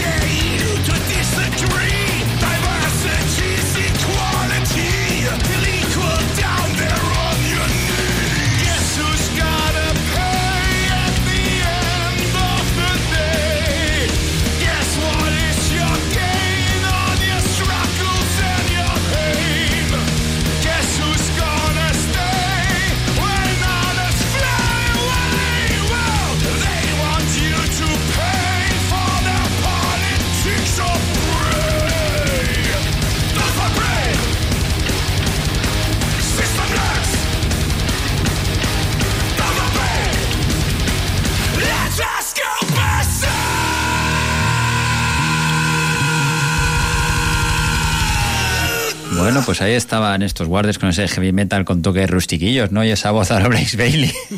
No se puede acabar mejor un tema, ¿eh? Let's Ya Go ves. Berserk. Hostia. Sí, sí. Qué grande. Eh, esto me lo llevo a la mochila eh, para casa, ¿eh, Alfonso? Lo que hablábamos a micro cerrado, pues una, una, una pausita de casi 30 años y luego se volver a juntar, sacar un disco, Dress for War, en 2019 y ahora este definitorio Metal Till the End que les pone ahí en la palestra y bueno, una banda interesante con buenos temas, una propuesta bastante personal, aunque con matices muy clasicotes. Pero yo- lo de personal lo digo por la voz, que aunque diga lo de Bale- lo que tiene Roy así a lo Blaze Bailey, pero sí que es cierto que esa, esa voz así tan, tan potente, ¿no? Es, es un rasgo muy característico de ellos. Imagino que después de 28 años de pausa han dicho, ahora no vamos a guardar nada, ahora vamos, Vamos a a- saco. Eh, como decíamos además, el álbum se llama Metal Till the End, en la portada aparece una Flying V, una guitarra, ¿no? Es decir, no, no te están engañando, te dicen, esto es lo que va a haber aquí. Y Fantástico. Y siendo germanos y con esa portada, pues ya evidentemente las reminiscencias a Acep son inevitables. Y, y tú has apuntado Inma, ahí un poco de gravediggereando. Ah, sí, el riff del final me ha sonado así a Night of the Cross, sí, sí. Chan, chan, chan, chan, chan. Eso me ha sonado mucho a Grey Digger, o sea que tampoco es malo y también son alemanes, con lo cual todo queda en casa. ¿El álbum se mantiene bien, Alfonso? ¿Está es Sí, sí, el ¿Tiene álbum es- sí, sí, no, no, a ver. Claro, porque estos álbumes entras así y dices, Dios mío, esto va a ser más grande que la vida. Y, y Y como luego te vaya para abajo. bajón. A ver, quizás para mí, habiendo escuchado el disco un par de veces, precisamente donde me flojea un poquito, pero creo que es una cosa interesante, es la versión que hace del Mr. Crowley de Ozzy Osbourne. Que, pero claro, con este tipo de voz, pues. Claro. Y, y tan rustiquillos que son, pues Y ni los teclados suenan. Crowley, ¿no? Que es más Exactamente. pesado, más- Pero bueno, es cuanto menos interesante pegar una escucha para sacar cada uno sus propias conclusiones. Pero sí que es verdad que está colocada en el centro del disco, en mitad del disco. Es un disco de apenas 40 minutos, de estos que pasan bien, te lo pones en un ratito y lo escuchas. Y ese Mr. Crowley a mí no me acaba de hacer el peso, pero bueno, ahí está. Todo sea eso, todo sea eso. Yo vengo eh, a invocar directamente a Tony López. ¿Qué necesita? Eh, ¿Qué necesita, no? Me, me la juego porque además me he que luego nos pone a raya, tío, en el chat. No, no, encima no le llames, tío. Bueno, yo quiero que. Porque tiene pinta que me, de que me, va- me- me van a entrar una del derecho y una del revés cuando escuche esto. Pero bueno, me la, quiero, me la quiero jugar un poco. No, lo digo porque me he asomado a un, a un trabajo llamado The Island de la banda finlandesa Pressure Points, que es una banda que se funda en 2004, que no saca disco hasta 2010. Volvió en 2015 y luego no han estado 30 años como Wordless, pero han estado 8 años de silencio. También es verdad que sus miembros están en un montón de bandas. Eh, y es una banda, según su propia definición de death metal progresivo, me permitiréis, ¿Death metal progresivo? ¿Podemos decir gent? ¿O No. no? Vale. me permitiréis que lo dude y cuando escuchéis los temas, Vale. si vosotros escucháis death metal progresivo, pues chapó. Yo no lo. Cada uno que escuche lo que quiera. No, no, es verdad, porque no, no, lo he, no lo he visto tan, tan por ahí. Pero me he sorprendido a mí mismo disfrutando bastante de este disco. Y eh, por el punto progresivo que lo hay, pues yo quería invocar a Tony López por saber si los conoce, si les gustan, o qué le parece este The Island. Y ojalá, ojalá me diga que no los conoce, que le ha escuchado el disco y que Y le que ha gustado mucho. Y que no te enseñe tarjeta amarilla y te pegues tres semanas sin venir. no, no, eh, esto, esto va a ir o tarjeta roja directa y expediente a la federación o, o va a entrar por, el, por la escuadra seguramente. Artgate Records nos trae la nueva propuesta de Pressure Points The Island. Eh, como digo, eh, me ha asomado así casi con más miedo que vergüenza al trabajo, pero me he eh, sorprendido a mí mismo disfrutándolo mucho. Así que os dejamos con The Night Inside.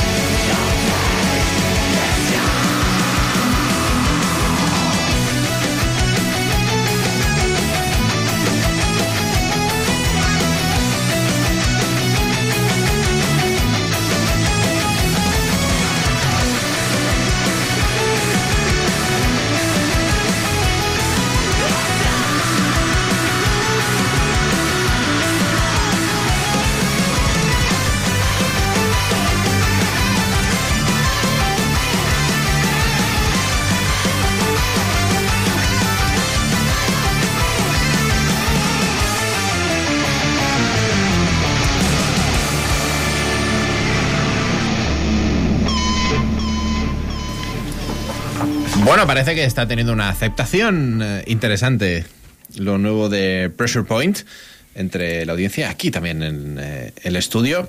Cabe destacar que el eh, quinteto ha incorporado hace muy poquito a Yuha Terchakov, que es quien pone las voces en este The Island, no lo había hecho en los trabajos anteriores, Remorses to Remember y False Light.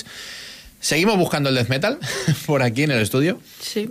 Eh, No, pero bueno, no hemos visto mucho, No, ¿no? lo hemos visto mucho, pero una propuesta que a mí me parece súper interesante. Sí, muy power, ¿no? Fantástico. Y sí, con un desarrollo bastante interesante, melódico también. sí. Por eso me entra a mí muy bien este tipo de, Claro. de metal. Claro, ya sabéis que yo con el progresivo duro no me llevo muy bien, pero con estas propuestas más melódicas, desde luego que sí, que sí. Pressure Points, los finlandeses, The Island, nuevo trabajo. Atención, ponedles una escucha porque están realmente muy, muy bien. Pero ahora seguimos y hay un cambio de tercio. Hay un cambio de tercio. Hay un cambio de Yo me voy para vamos a decirlo así. Yo me voy para atrás en el tiempo. Yo soy más, más paca que tú, va. Te lo voy a decir ya. Hoy está difícil. Soy más metal paca que Bueno, tú. he puesto Pressure Points para disimular un poco. Ah, vale, vale. Para ponerte las gafas de, de escucho proc. ¿no? Gafas de pasta. Eh, perdón, es Sí, sí. Mortales. Escucho Mi- proc. Mi monóculo. Bueno, pues yo me voy a una propuesta mucho más sencilla de heavy clásico. Eh, también es una banda de Finlandia. ¿eh? Hoy, mira, hemos ido a Suecia, ahora nos vamos a Finlandia. Que publica su cuarto álbum eh, llamado Sin and Shame. Y bueno, salió el viernes, ¿no? El 17 era el viernes, hoy 19, pues el, el viernes. Hace dos este días. viernes. Ujú. Eh, la banda se llama Wishing Well y es una banda que tiene sus temas son muy en la onda muy similares a Uriah Heep, Deep Purple, es este Wow. eh, heavy clásico con teclado, con su Hammond bien poderoso y mm, lo que han hecho en este nuevo disco es que han cambiado un pelín la sonoridad, se han atrevido un poquito a experimentar más con los teclados y en lugar de usar el clásico sonido Hammond han metido sintetizadores y han metido otro tipo de pasajes con el teclado, siempre acabando en pues bastante de improvisación, bastante de elaboración de guitarras acompañado con, con teclado. Hay alguna balada en el disco como Dancing Across the Stars eh, y luego hay algún tema más desarrollado, más donde se vienen arriba y se ponen ahí tú, tú, tú, tú, tú, a tocarlo todo como en Flame Fin, pero en general es un disco que se mantiene muy bien del principio al final. Eh, el cambio este de sonido con los sintetizadores y los teclados le hace bien, no le hace ningún mal y de hecho el Hammond suena cuando tiene que sonar, con lo cual, O sea, no- como no lo han quitado... No se lo come todo, ¿no? No se lo come, exacto. Y, y si lo hubieran quitado también hubiera quedado muy vasto, porque claro, esta banda es uno de sus mm, de sus de su marca, ¿no? Entonces hubiera quedado muy muy extraño. Eh, bueno, eh, no os voy a dar más la chapa. Eh, eh, la banda se llama Wishing Well y el tema que os voy a pinchar del Sin and Shame se llama In the Line of Fire.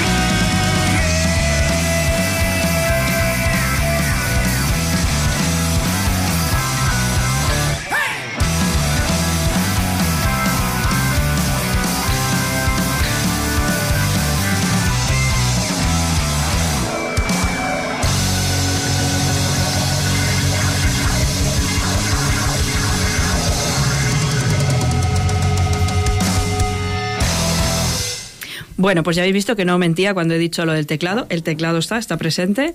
eh, pero sí que es verdad que está como un poco. eh, no, no está tan poderoso tan fuerte como en, en otras grabaciones anteriores, con lo cual eh, creo que ha ganado mucho. Para Dani, le voy a decir, como nota curiosa del disco, si ya con esto no te convenzo para que te lo escuches, ya no te convenzo, es que tiene un tema dedicado al Space Invaders, al juego de las maquinitas. Allá que voy. Lo que pasa es que el videoclip es feo como el coco, también te digo. El videoclip de Space Invaders no te lo veas porque salen unos aliens en 3D que digo, ¿esto qué tiene que ver con el juego de Space Invaders? Y no ha habido presupuesto para hacerlo el videoclip, por lo que veo. A mí no me acaba de, de gustar. Pero bueno, si te. La verdad que el tema está muy chulo porque suena así a películas de terror de estas de los 80, la musiquilla. Les ha quedado muy chulo. Eh, van a estar presentando el disco aquí al lado, en Helsinki, el 31 de marzo, si queréis ir a verlos. Bueno, igual Sonia, que tiene mano en Finlandia, igual no puede agenciar puede algún. Eh, y estarán tocando con eh, un trío de hard rock llamado Pierre Kunt, que no conozco, pero me voy a dedicar a escucharlo, sí. porque si tocan con esta gente y son de la misma cuerda, Así es. creo que me van a gustar. Y, y nada, que os lo recomiendo encarecidamente este proyecto del señor Ansi Korkiakoski. No puede tener más cas en el nombre. No Alguna podría podríamos meter ahí en medio. Eh, y nada, esto, a los amantes de Deep Purple, Uriah Heep, eh, os va a gustar segurísimo, segurísimo. Fantástico. Muy bien, pues seguimos. Eh, no lo hemos comentado, hoy vamos a cerrar el octavo día un poquito antes, ya nos perdonaréis, porque ha sido una edición Es el estrés. complicada. No podemos con el complicada, estrés. pero nos queda, nos queda un ratito de metal todavía, Alfonso, y mucho metal. Pues yo voy a cerrar, Dani, mi participación de esta noche, si me lo permites. Y si aquí Inma nos ha traído un grupo que venía bien cargadito de teclados, pues yo voy a dejar los teclados a un lado. Uy. Voy a pasar de, de las tierras frías de Finlandia, me voy a ir hasta Estados Unidos, me voy a ir hasta Tucson, Arizona, al ladito del desierto. Toma ya. A pasar calor. Y vamos, y si antes yo traía aquí una banda que se había tomado las cosas con calma, vamos a ir con un trío en esta ocasión que se la ha tomado con calma, no tanta calma, ¿vale? Porque se formaron en 2014, se llaman Never Reborn. Son un trío, como decía, se formaron en 2014, en 2020 sacaron su primer EP y ahora publican su nuevo trabajo, Ashes of Our Past. Eh, un disco que ellos definen como majestático trash metal, que es- suena como un poco rimbombante. Mola, Se dan un poco de pisto, se dan un poco de pisto. ¿eh? Hombre, se han tenido casi 10 años para componer el primer disco. Si no venden bien la moto, Imagínate. más vale que se tiren al río. Y bueno, escuchando el disco, pues la verdad que nos encontramos eh, una banda con bastante actitud, bastante mala leche y con unas guitarras bastante, bastante asesinas. Yo os voy a invitar a que escuchéis el disco, pero por si tenéis alguna duda, vamos a meter el anzuelo precisamente con el tema que le da título, Ashes of Our Past.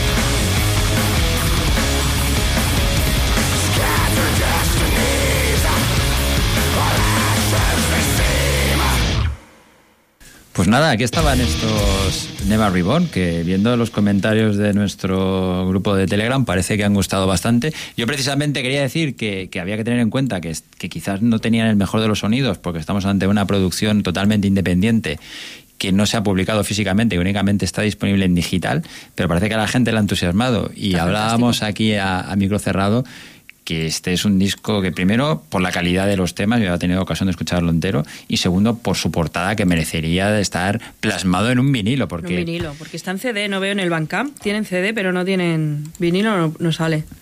Sale Compact Disc más Digital.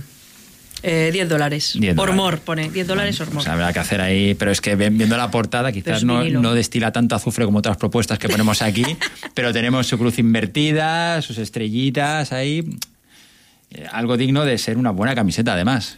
Puedes ir, Alfonso, a la casa de Steve White, a Exacto. Tucson, Picar a la puerta, picar a la puerta y decir, hola, buenas tardes. Vengo, de vengo por el lote de camiseta y CD. Y por si acaso traigo un pendrive. Exacto. si no puede usted. Sí, sí, qué buena propuesta, la verdad. Qué buena, qué buena propuesta. Yo me voy a desviar un poco en Estados Unidos. Perdón, déjame, perdón. Cierto, Dani, cierto, que, cierto, que me, olvidaba. me- me voy a, a otro sótano a seguir trabajando a ver si encuentro alguna gemita que trae para la próxima semana. Exacto. Se nos va Alfonso. Alfonso está la semana que viene. Muchísimas gracias. Mientras eh, tanto nosotros seguimos, como decían, en eh, Estados Unidos. Y ya que nos acaba de comentar nuestro queridísimo Marc Gutiérrez, que está por el chat, que se acaba Ah. de incorporar, pues algo que sé que, que no le va a sorprender porque ya lo habrá escuchado, evidentemente, pero quiero aprovechar. Porque siempre que oigo a esta banda me acuerdo de Marc. Así que, sin mucha dilación, nos vamos a ir con el tema número 2. Da nombre al álbum. Outsider. Sí, lo nuevo de Night Demon.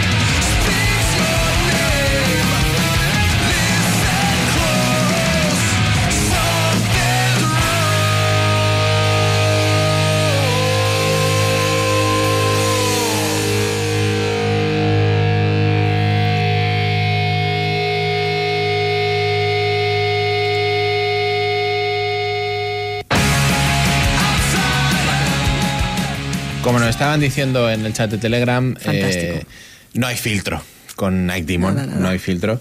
Pero es verdad que lo que hablaba yo, Alfonso, a, a micro cerrado. Este momento creo que le voy a tener que dar más escuchas porque estaba muy arriba con Night Demon y eh, me ¿Sí? ha frenado ¿No te un acabado de pelín. gustar? Me ha frenado un pelín. No, no es que no me haya acabado de gustar.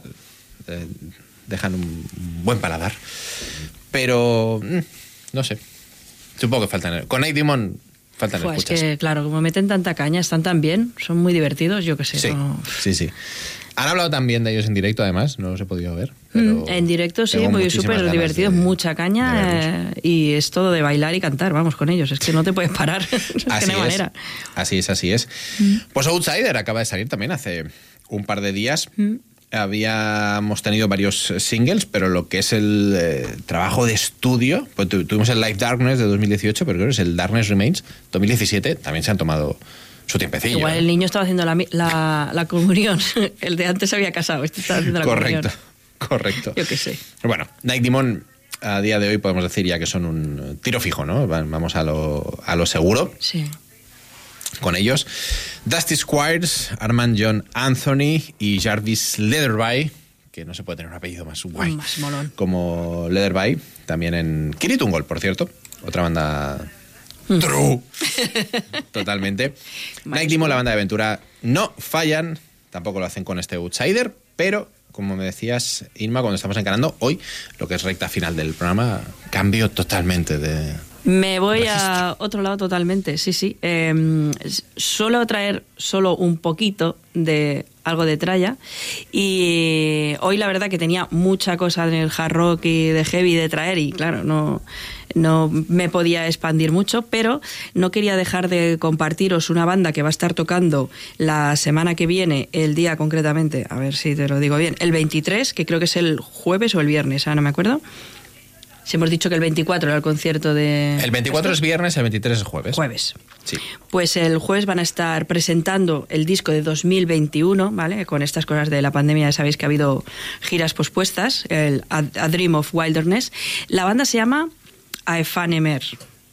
Eh, pero acaba en ER, pero mm, podría parecer que es un grupo alemán, pero no, son de Toulouse, de, de Francia. Qué curioso. Y su nombre viene de la unión de dos palabras, de ephemer, que es efímero, ¿no? Y fané, que es marchito. Entonces es como una mezcla de lo efímero y lo marchito. ¡Ah, qué profundo! Un poco redundante. Venga, va. Deja que se tiren el rollo. Eh, Death Melódico, liderado, banda liderada por Marion Bascul, que es una puta máquina en el escenario y cantando. Y punto. Y punto. Canta, toca la guitarra y lo hace todo súper bien. La banda se formó en 2014. Eh, consiguieron a, a base de como está como hay que hacerlo a base de tocar en directo consiguieron que una, una major les fichara y en 2019 editaron un disco con Napalm Records que se llama Procopton y Claro, es. ¿Eh? Sí, sí. buen nombre Procopton Mucho, mucho. Y, y nada, y se nota pues, eh, ahí empezó ya la influencia de la rama escandinava del estilo y su más death más puro que hacían al principio se ha convertido en un death melódico desde que, bueno, de vez en cuando me gusta asomarme y visualizar. Y nos dice Mark en el chat que se han eh, colado, han entrado en el cartel del Hellfest. Toma ya, bien, bien. Entre Night Demon y esto es a Fanemer, nos lo hemos ganado Yo a Mark creo que a de Marco y forma no lo ganamos. ¿eh? Sí, sí, sí, sí, sí. Otra de las cositas chulas que tiene esta banda es que, como sé que en el chat gusta mucho todo lo folk, ellos mezclan un poco de la música tradicional eslava, ¿vale? No, no va a ser un güerdito de los que hace Xenia, ¿eh? No me malinterpretéis, no tengo tanto conocimiento, mi mente no manda ahí. Y me sabe mal que se haya ido Alfonso, pero espero que lo escuche desde el coche y andase para casa, bueno, desde los auriculares del coche, ¿no?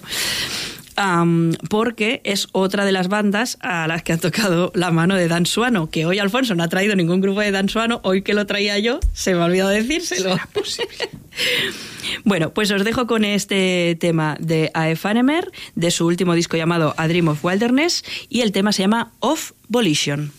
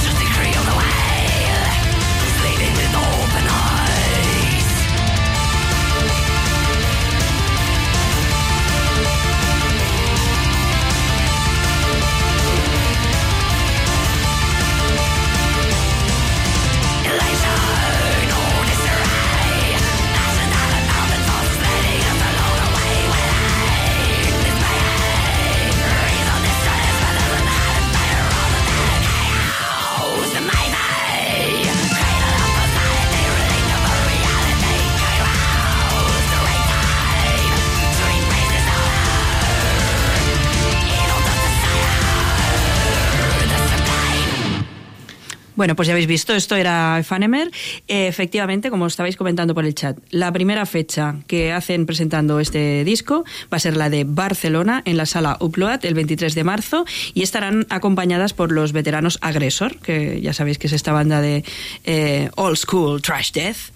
Y bueno, supongo que es un paquete que viene junto porque son los dos franceses. Imagino que pues eh, ahora hay que hacer este tipo de apaños, ¿no? Sí. Si tenemos gente, oyentes, que no sean de Barcelona, los tenéis, como empieza la gira aquí, pues empieza en España, se hacen varias fechas en España.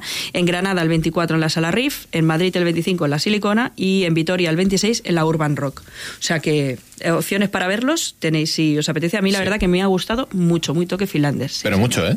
Qué Me pasada. muchísimo. Recojo el guante un poquito, así que estamos en recta final. Y por supuesto, no os ibais a librar del Metal Samurai, me voy hasta Japón.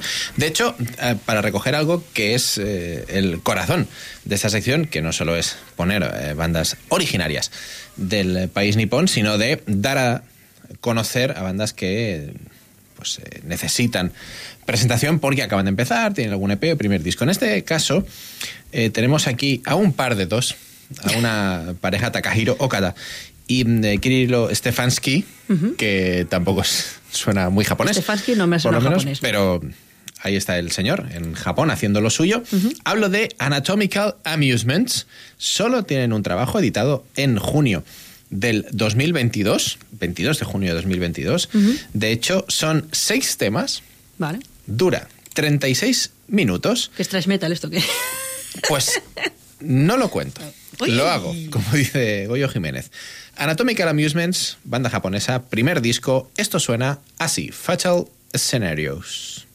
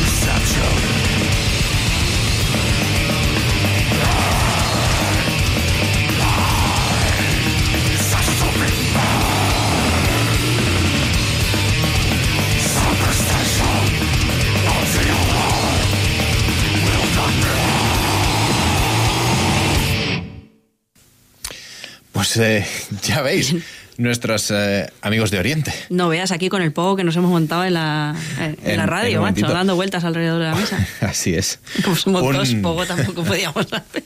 Correcto. Un death metal burrote en los cimientos, pero con, con partes técnicas y mm, lo único que no me acaba de convencer es el tratamiento de la voz. Me hubiera gustado que tuvieran más presencia. Parece que está cantando como para adentro. Mm. El bueno de, de Kirilo Stefansky. Pero para ser un primer trabajo creo que es realmente interesante. Eh, para lo que es el estilo, temas largos, largos.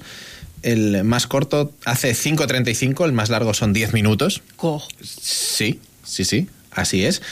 Eh, y bueno, pues ya habéis visto flos y violas, ¿no? Eh, abrazos, eh, Baladas, canciones de baladas, amor, besos muy en la boca. Sí, sí, Fatal Escenarios, Decay Fever, Trends in Pathology, que esto siempre es muy científico, ¿no? ¿Qué se lleva ahora en cuestiones de patología? Pues mira, aquí tienes los estudios científicos. Suppurative Fuchs and Purlen Etudes. Sí, un poco asqueroso. Cadaverism, en fin, cosas muy poco agradables, pero para los que seáis fans de ese tipo de death metal, echando un vistazo siempre lo decimos. Eh, y con, con todos los motivos del mundo. ¿eh? Cuando hablamos de Japón hablamos del power, del neoclásico, etcétera, etcétera, pero hay mucho metal extremo que viene de, de Japón que está realmente muy bien y este debut de Anatomical Amusements, este Corporal Kaleidoscope, me ha parecido realmente interesante. Y como os decíamos, hoy vamos a cerrar la paradeta un poquito antes. Sí, señor. Eh, vamos a dejar de lado para que la gente se pueda ir a dormir tranquila el death metal y lo burrote. Inma, con que nos vamos a ir Bueno, despidiendo? yo lo que te comentaba cerrado. eh, me vengo con un proyecto de. Hay dos personas en Murcia que tienen su banda principal llamada 91 Suite, que son Jesús Espín y Iván González, y me vengo con su proyecto de black metal, que, del que no se ha hablado tanto como a lo mejor se esperaría. Eh, tuvieron una primera incursión, un primer trabajo, y bueno, lo dejaron aparcado porque 91 Suite se reactivó y bueno, la verdad que tuvo bastante éxito, pero ahora pues han vuelto, lo han retomado y han sacado un disco que en realidad, o sea, ha sido ditifet, ¿eh? porque en nueve meses han compuesto los temas y los han sacado, los han grabado, lo- todo, todo hecho. Qué barbaridad. Sí, sí, sí, mm, todo a piñón. Sí que es verdad que son personas que tienen mucha experiencia, muchos contactos también, entonces, eh, Claro. claro. ya lo han hecho otras Lo veces. y llevan por la mano, ¿no? sí, Sí, Un poquito sí. sí. Eh, comentaba en una entrevista que decía, una vez que has editado un disco, sabes editar otro. O sea, tienes que seguir los mismos pasos, ¿no? Sobre todo porque se mueven mucho en el ámbito independiente. 91 Claro. Suite era una de las bandas bandera de Vinnie Records cuando existieron, pero luego se lo han tirado todo por su por su parte, lo han hecho todo autoeditado, entonces tienen bastante experiencia. La- el proyecto de la banda se llama Secret y como comentaba, sacan su segundo trabajo, Stop This World, con una pausa entre medio de estas como comentábamos antes, de que a los hijos les ha dado tiempo a casarse Sí. y, y acabar la universidad. La portada es curiosa, ¿eh? Curiosa. Vamos a- no vamos sería a la palabra vamos curiosa. curiosa. Expresa de qué va el disco porque es como una, eh, algo intimista de estas dos personas que han recogido todas sus influencias y han hecho un disco, eh, pues bueno, que corre diferentes fases, no, no es lineal. ¿Vale? Hay diferentes estilos dentro del trabajo, incluso hay una versión eh, en, el, en el trabajo, o sea que para que se vea pues lo que aportan ellos dos y que se vea algo diferente de su banda principal, su banda madre que es 91 Suite. Así que nada, os dejo con una muestra del tema y creo que ya me voy a despedir porque luego ya no... Lo sacamos después, sí. Ah, bueno. Pues bueno, os dejo con una muestra de este Stop This World. El grupo se llama Secret y el tema Until It's Over.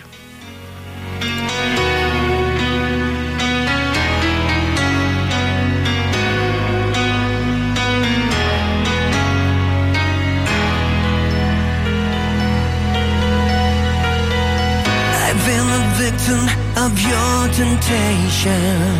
I'm getting over your infatuation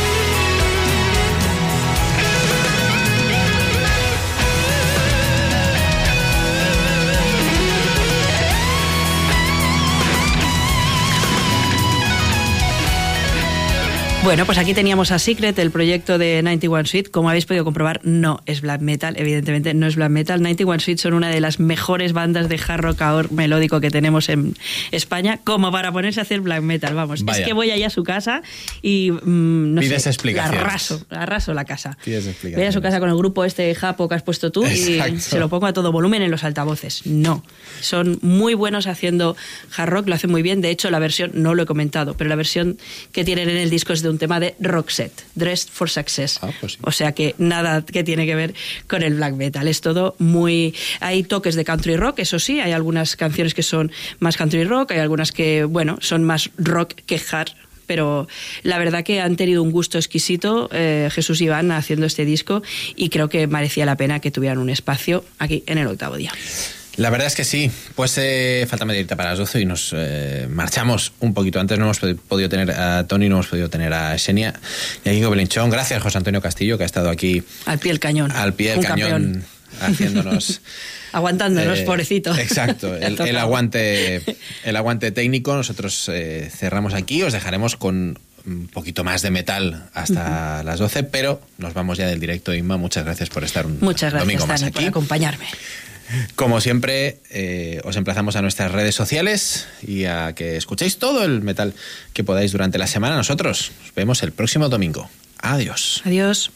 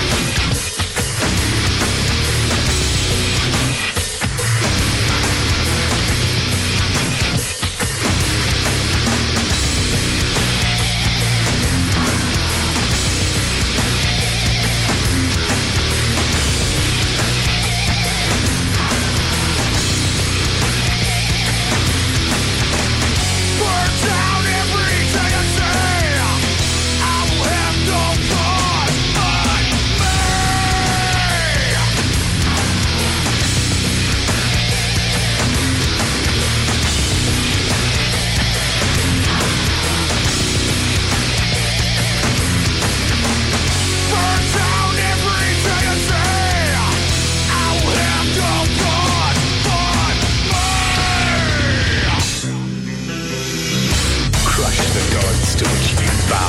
I will